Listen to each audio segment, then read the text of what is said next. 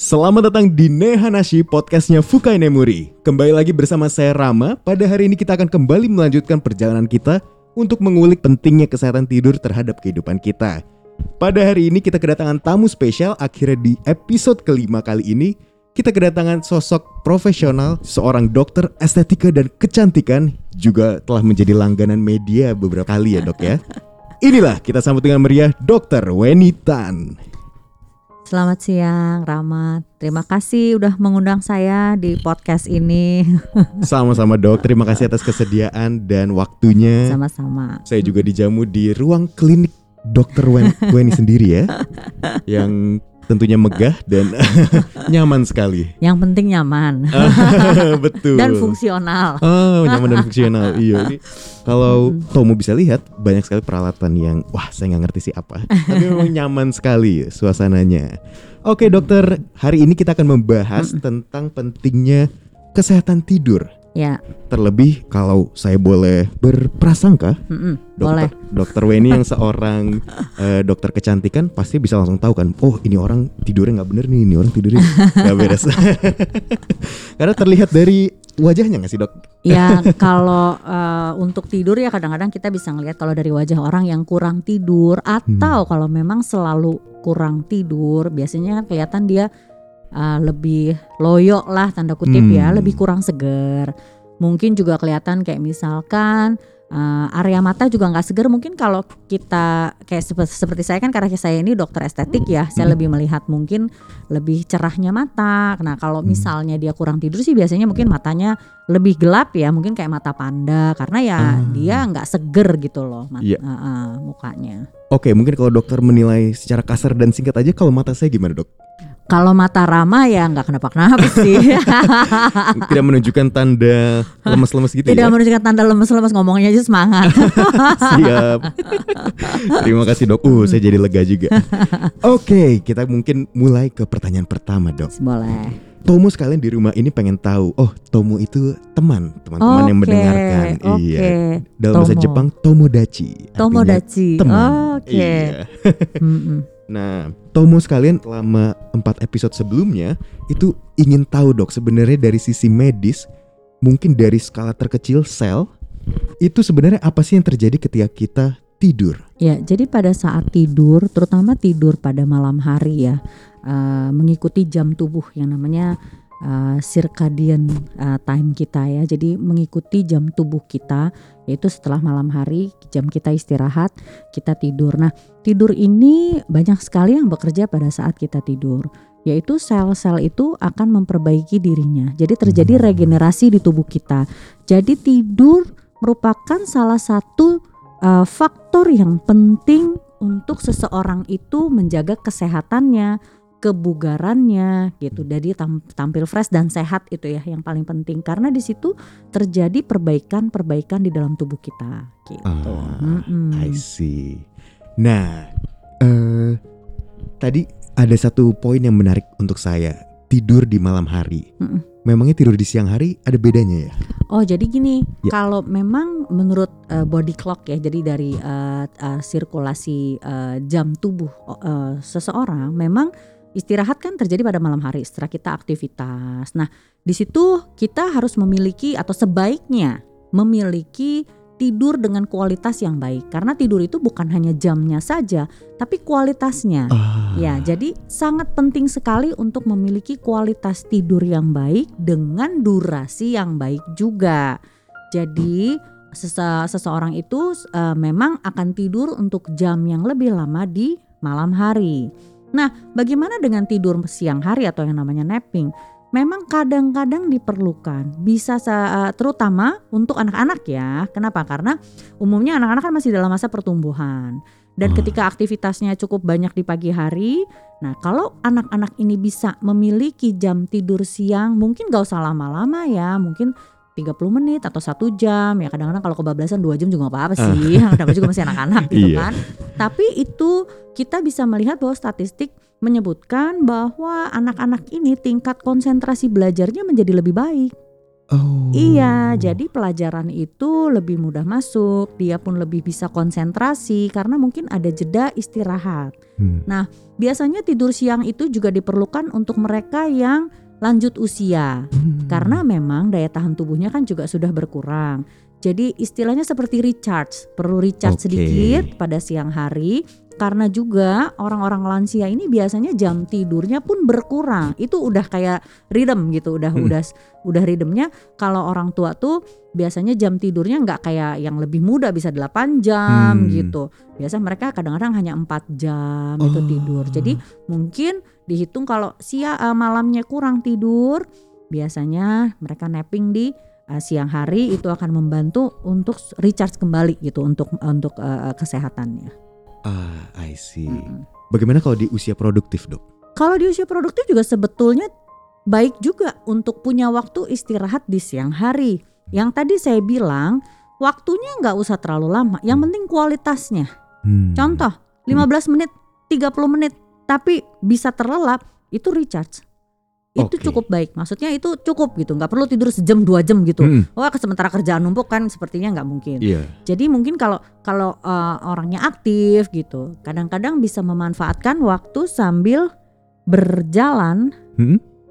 Eh, Kadang-kadang bisa memanfaatkan waktu sambil eh, eh, jalan ya mungkin kalau ada supir ya dia bisa tidur Hmm. siang gitu. Iya, Tapi kalau tidak mungkin pada jam istirahat di kantor manfaatkan waktu mungkin senderan, Hmm. relax, tenangkan pikiran, lalu istirahat saja mungkin 15-30 menit gitu. Nah itu recharge kembali. Oke, jadi pada intinya eh, di jenjang usia apa pun butuh yang namanya recharge. Ya betul. Oke. Mm-mm. Eh, kita mungkin masuk ke topik bahasan utama nih, Dok. Mm-mm. Tadi juga sempat disinggung kalau menurut Dokter Weni sendiri ap- apa yang disebut kualitas tidur yang baik? Bagaimana mengukurnya? Kualitas tidur yang baik adalah pada saat kita uh, tertidur lelap setelah beberapa saat men- uh, tiduran ya, Mhm. kita tertidur lelap lalu nggak dengar apa-apa gitu maksudnya kita betul-betul lelap bahkan kadang-kadang kalau mimpi pun lupa gitu Hmm. mimpinya mimpinya apa dan Iya. kita uh, uh, kan ada orang yang misalnya sambil tidur tapi masih bisa seperti pikirannya berjalan sambil tidur dia mungkin masih bisa dengar nah itu Oh. tidurnya masih di level yang belum bagus Oh, tapi ketika seseorang itu bisa terlelap artinya dia tidak dengar Hmm. di sekeliling dia ada apa lalu mungkin uh, uh, pikirannya pun dia uh, ar- artinya tidak ada pikiran yang uh, membuat dia berpikir sambil Hmm. tidur gitu bahkan mungkin ya mimpi nggak apa-apa Mm-mm. bisa tahu kadang-kadang bangun dia bisa ingat mimpinya apa tapi yang lebih dalam adalah yang udah lupa mimpinya apa Oh, jadi kalau bangun tidur terus lupa, itu tidurnya bagus ya justru. ya tidurnya mungkin cukup, Cukup. lelap Ah, ah, betul Oke, I see, I see. Nah, kalau dari dokter Weni sendiri sebagai dokter estetika, kira-kira ada nggak sih penyakit-penyakit atau diagnosa estetika yang berhubungan dengan kurangnya tidur ini?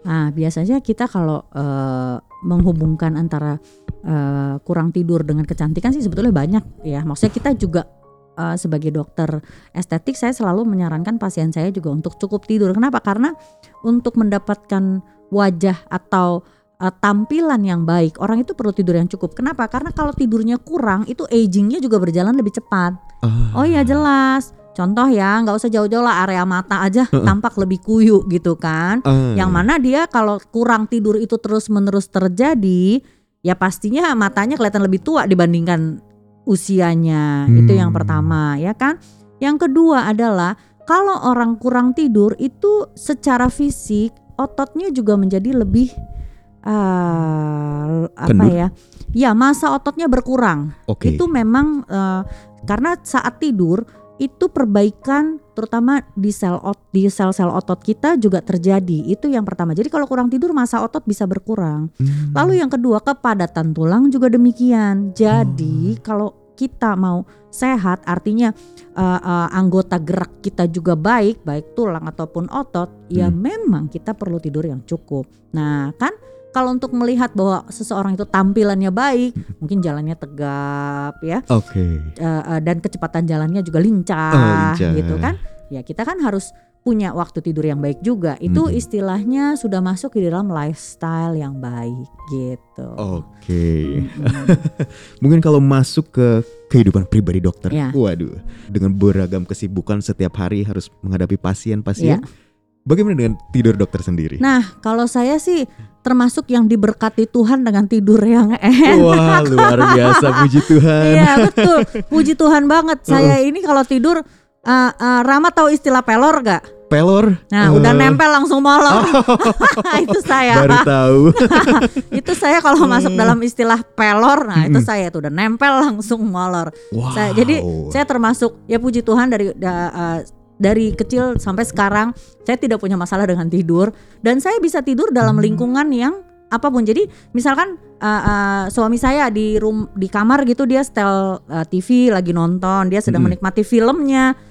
Kalau saya udah ngantuk, saya tidur aja, nggak peduli gitu dia setel seberapa kenceng silahkan oh. gitu. Jadi saya tidak terganggu dengan ke lingkungan sekitar saya dia berisik, ada orang ngobrol pun kalau memang saya ngantuk saya akan tidur dan pules. Oh. Ya, saya bisa nggak tahu tuh kalau ada hujan geledek kalau saya nggak tahu. Wow, kalau tidur itu sebuah kemampuan, skill dokternya tinggi sekali. Iya mungkin ya. Oh. Ya maksudnya saya bersyukur kalau ditanya kehidupan pribadi, wah saya nih pelor. Boleh ditanya sama teman-teman saya. Oh. Iya. Wah, puji Tuhan. Iya betul. Dan dan juga kalau dalam perjalanan kayak misalnya di pesawat, Hmm. saya juga tidak punya masalah dengan tidur. Oh, Hmm. oke oke. Nah ini mungkin yang menarik dok pada eh, episode 4 yang lalu Iya, kami mengundang seorang psikolog klinis. iya, Nah beliau memaparkan tentang sebuah poin penting bernama sleep hygiene. Iya. Jadi pada subpoin-subpoinnya itu ada suhu ruangan, ada Iya. kenyamanan segala Betul. macam. betul sekali. Juga tadi suara ya, Betul, cahaya. betul. Dokter tapi Iya. sleep hygiene mau se Betul, ini- jadi iya. Saya juga nggak tahu apakah saya terlatih, saya saya nggak tahu juga. Tapi memang saya membiasakan diri. Artinya begini, dalam keadaan Hmm. apa pun, saya bisa tidur atau saya bisa melakukan apa yang harus saya lakukan. Jadi contoh, Mm. uh, uh, saya juga bisa mengerjakan sesuatu dengan suasana yang berisik. Jadi Hmm. misalnya saya bisa bekerja, saya bisa uh, konsentrasi fokus at- akan sesuatu walaupun sekeliling saya berisik gitu. Mungkin Oke. uh, konsentrasi atau fokus juga penting. Itu yang saya uh, alami ya dan Ya. saya berasa uh, itu ada bagian yang saya jalankan. Jadi misalkan saya harus bekerja atau contoh lah waktu kuliah dulu gitu, mau ula- mau ujian gitu misalnya ya. Tapi saya sedang membaca atau sedang belajar di lingkungan yang ramai, teman saya lagi ngobrol segala macam, saya tidak terganggu. Oh. Nah, nah, jadi saya tidak terlalu ngobrol gini gitu. Ya silakan kamu rame, istilahnya sekeliling saya boleh rame, tapi saya bisa fokus gitu. Oke. Mungkin itu uh, apa ya namanya ya uh, hasil yang saya Hmm. dapatkan ketika kita bisa belajar fokus. Hmm. Memang itu betul sekali. Pada saat tidur, seseorang itu uh, membutuhkan uh, suasana, Ya. membutuhkan sleep hygiene. Contoh, pada saat lampu dimatikan, pada saat suara lebih tenang, atau kadang-kadang juga perlu lagu yang Hmm. menenangkan itu membantu seseorang untuk bisa terlelap secara psikologis lebih tenang. Tapi kalau lampu mati-matikan, ya karena eh, memang hormon tidur bisa bekerja lebih baik pada saat-saat seperti itu. Jadi suasana Oke. yang tenang, lampu dimatikan itu menstimulasi hormon tidur kita yang namanya melatonin itu untuk bekerja dengan lebih baik. Hmm. Gitu. Luar biasa dok. Mm-mm. Baik. Nah tadi sempat nyerempet-nyerempet dikit tentang konsentrasi dan fokus itu harus Iya. dilatih ya untuk Iya. mencapai tidur yang sehat gitu. Kita masuk ke cara mengatasi gangguan tidur menurut dokter Weni. Iya, yang pertama memang banyak em, gangguan tidur itu eh, orang sadar atau tidak sadar apa sih sebetulnya masalahnya. Hmm. Sebetulnya kalau mau ditilik lebih eh, dalam lagi, ada beberapa faktor yang orang itu tidak sadar bahwa kebiasaannya dia ini ternyata mengganggu jam tidurnya. Hmm. Salah satunya adalah konsumsi kafein. Oke. Kafein itu kita tahu langsung konotasi orang kalau ngomong kafein pasti kopi. Kopi. Iya, Iya. tapi di samping kopi jangan lupa bahwa banyak juga Hmm. suplemen yang mengandung kafein oke. ya kan atau minuman-minuman lain yang berkafein mungkin multivitamin atau minuman yang kesegaran kebugaran Hmm. juga mengandung kadar kafein tertentu Hmm. atau kadang juga obat juga bisa mengandung kafein Oh, oke. Nah, seseorang ini bisa saja terganggu jam tidurnya karena konsumsi kafeinnya tidak tepat. Jadi kita sebetulnya bisa membaca melalui beberapa tes. Salah satunya sekarang ini uh, dengan teknologi yang maju ada yang namanya tes genomik, tes DNA. Nah, itu bisa membaca uh, kemampuan seseorang untuk memetabolisme kafein. Kalau ini kita mau ngomong lebih jauh. Ya. Tapi mungkin untuk orang yang lebih umum lagi, Hmm. mungkin baiknya konsumsi kafein atau kita ngomong paling gampang kopi lah ya. Ya. Konsumsi kopinya uh, kopinya mungkin pagi hari aja. Oke. Jadi jangan konsumsi siang atau sore karena tidurnya udah susah. Hmm. Ditambah konsumsi kafein, tambah susah lah Hmm. karena kan dia sifatnya seperti stimulan, Ya. ya kan? Nah, kalau mau lebih jauh lagi silakan tes dengan genomik atau DNA tersebut karena ada orang yang memang setelah minum kopi stimulasi dari kopinya ini bisa berjam-jam artinya bisa 20 jam gitu loh. Kopinya itu ada di dalam badan dia. Ya. Ya otomatis akan membuat dia sulit, sulit tidur. Jadi mungkin dengan konsumsi atau perubahan zero kafein di dalam tubuh dia, Hmm. dia bisa tidur. Hmm. Nah, ini banyak orang yang tidak sadar. Hmm. Statistik menyatakan 30% populasi orang yang mengalami insomnia karena salah cara konsumsi kafein. Itu. Oke, wah. Eh, ini saya berdebar-debar juga karena saya merasa disalahkan. Saya pun peminum kopi. Heeh. Saya peminum kopi. Saya juga tes DNA saya, tapi ya puji Tuhan, ternyata kafein tidak efek sama tidur saya. Wow. That's why, that's why makanya saya mengerti kenapa saya Ya. bisa minum kopi kapan aja. Walaupun misalnya 5 atau 10 menit sebelum saya tidur itu tidak mengganggu saya karena secara genetik Hmm. itu terjadi memang gitu. Hmm. Tapi ada orang yang kebalikannya loh. Ya. Kopi itu seperti yang tadi saya bilang, dia bisa 20 jam. Hmm. Sekali minum kopi itu efeknya bisa 20 jam. panjang. Ya pasti panjang, mengganggu dia tidur begini begitu juga sulit tidur. Lalu akhirnya mungkin bantu dengan obat tidur. Iya. Nah, tetapi kalau mau eh, cara yang seperti ini diubah, dia Hmm. bisa tidur naturally. Iya.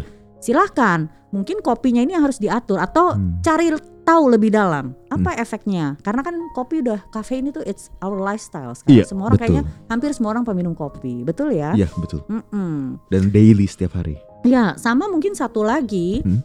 karena tadi eh, Rama menanyakan cara supaya kita memiliki tidur yang baik adalah salah satunya menjaga level melatonin di level yang baik. Melatonin adalah hormon tidur. Banyak orang salah paham kalau eh, eh, didengar melatonin, oh itu obat tidur, nggak cocok saya pakai itu minum melatonin nggak tidur. Iya, memang bukan seperti itu cara pakainya. Jadi cara cara mengkonsumsi melatonin itu bukan satu kali minum, aduh nggak tidur, artinya nggak cocok tidak. Melatonin adalah hormon tidur, levelnya perlu dijaga karena satu eh, level melatonin yang baik itu juga menjaga kesehatan tubuh dan Hmm. juga untuk anti aging. Itu baik. Oke. Salah satunya level melatonin itu harus bagus. Nah, bagaimana? Kalau memang mengalami sulit tidur, kita mau meningkatkan level melatonin atau lebih menstimulasi melatonin kita, coba konsumsi melatonin satu hari satu sebelum. Ya memang pada jam malam ya Mm-mm. konsumsi tapi continue gitu mungkin satu atau dua bulan. Lama-lama kan levelnya akan meningkat. Nah ketika levelnya meningkat itu baru dia akan menga- uh, merasakan manfaatnya jadi jangan salah paham sama Iya. melatonin dia bukan obat tidur Oke. gitu jadi harus dikonsumsi uh, continue untuk jangka waktu yang cukup lama baru anda akan merasakan manfaatnya, Manfaatnya. gitu Oke. Hmm. Sebagai awam dok, Hmm. saya jadi kepo nih. Eh, apakah pemakaian yang kontinu itu akan one day menyebabkan ketergantungan gitu? kalau untuk mel karena dia kan uh, hormon ya jadi Oke. Kalau di level levelnya sudah cukup baik, artinya kita sudah bisa meningkatkan uh, fungsi melatonin di dalam tubuh kita, ya kita nggak harus konsumsi terus. Tetapi Hmm. memang kalau kurang perlu, karena melatonin itu sebagai salah satu faktor yang menjaga kesehatan dan juga anti aging di badan. Itu sudah masuk di dalam jurnal-jurnal internasional seperti itu. Baik, terjawab sekali saya. Kepoan saya eh, terjawab. Baik, dok paling satu lagi. Ya silakan. Em, saya lansir dari eh, sebuah media kecantikan Indonesia. juga tadi dokter sebenarnya sempat mention bahwa kurang tidur bisa menyebabkan aging rapid lebih Iya cepat kan. betul, rapidly aging. Kira-kira bisakah dokter menjelaskan secara lebih ilmiah gitu mungkin? Kenapa sih bisa terjadi ini? Kenapa? ha, kenapa rapidly aging? Oke, Iya. jadi begini, terutama kalau tidurnya tidak berkualitas ya, Ya. ya kan yang dimaksud seperti ini. Jadi kita ini ada satu hormon selain melatonin tadi yang yang adalah hormon tidur, ada sat- ada hormon yang namanya uh, growth hormone. Growth hormone hormon ini adalah hormon pertumbuhan kalau bahasa Indonesianya. Dan hormon pertumbuhan ini adalah hormon yang bekerja di seluruh organ. Target hormon ini adalah seluruh organ kita. Jadi growth hormone adalah satu-satunya hormon yang bekerja di seluruh organ. Oke. Biasanya kan ada hormon hormon A targetnya organ ini Mm-mm. dan organ ini ya kan. Hormon B targetnya organ ini dan organ ini. Tapi kalau growth hormone itu ada di semua, bekerja di semua sistem tubuh dan organ. Nah, sayangnya begini. Growth hormone mencapai puncaknya ketika usia kita 20-an. Kayak kamu, kamu umur berapa? 21. Nah, wah kok growth hormonnya top. Oh. Lalu 10 tahun kemudian growth hormone ini akan berkurang sekian belas persen. Oke. Lalu 10 tahun kemudian berkurang lagi. 10 tahun kemudian Wah. wah, hitungannya semakin berkurang Iya. ya kan. Jadi bisa dibayangin usia 30, usia 40 itu growth hormone berkurang banyak. Kapan sih growth hormone itu bekerja uh, uh, uh, di di dalam tubuh kita? Yaitu 1-2 jam setelah kita tidur lelap. Oh. Nah, dia bekerja itu memperbaiki, meregenerasi. Jadi kalau nggak tidur tidur, growth hormonnya nggak kerja kerja. Oh, kapan that's dia why. memperbaiki? Kapan dia uh, dikasih waktu? Ya kan, orang nggak tidur tidur istilahnya. Iya. Dia juga terhambat cara kerjanya. Sementara growth hormone ini kalau kita jaga. Dia ini yang jagain tubuh kita sehat, bugar, anti aging, nih kelihatan muda. Itu Hmm. growth hormone. I see. Gitu. Jadi di sana hubungannya. Betul, itu core-nya. Ya. Berikutnya ya dari situ kan sel-sel diregenerasi, Hmm. diperbaiki, terjadi pertumbuhan, artinya terjadi regenerasi ya. Ya. Makanya perlu sekali kualitas tidur yang baik. Nah, Wah, itu di situ. Wah, terima kasih banyak dokter. Sungguh membuka mata Ya. dan telinga. Betul. Oke. Nah, mungkin semua ragu dan pertanyaan Tomo sekalian sudah terjawab nih pada Hmm. episode kali ini, Dok. Karena tadi salah satu pertanyaan terbesar ya itu. Rapid aging ini kan serem ya kalau untuk perempuan. Iya, iya. Nah, semua orang lah. Iya, sekarang semua semua orang tuh kalau udah bilang rap aging, waduh Hmm. rapid aging udah uh, rasanya gimana sih caranya biar nggak aging? Oh, Gimana iya, sih gimana sih? bener-bener. Nggak laki nggak perempuan lah saya pikir karena Oke. mungkin uh, uh, priority pertamanya adalah kalau aging kan artinya aduh kesehatannya semakin berkurang karena Oh, kan bener. tanda kutip tua nih tua nih Iya, gitu kan. cuma looks-nya aja. Iya, nggak cuma looksnya aja. Sementara target semua orang saya rasa pasti ingin hidup yang uh, kesehatan maksimal di usianya. Mm-mm. Kalau bisa tampilannya juga maksimal. Ah, benar. Bener kan? Ya. Iya, iya benar-benar. Ah, that's why. Baik, Dokter Weni. Kalau begitu, itu saja sebenarnya. Terima kasih banyak. Saya Sama-sama. mewakili Fukai Nemuri. Sungguh bersyukur hari ini kedatangan Dokter Weni dan bahasannya sungguh luar biasa, Sama-sama. insightful dan in- inspirational. Semoga berguna ya. Sang pastinya sangat berguna nanti untuk kasih. sekalian. Kami doakan semoga dokter semakin mempercantik perempuan-perempuan Indonesia. Selalu. ya, amin, amin. Iya. Terima kasih Rama. Siap. Baik dokter, kalau begitu itu saja Ya. perbincangan kita pada hari ini. Kita tutup dalam 3, 2, 1. Terima kasih.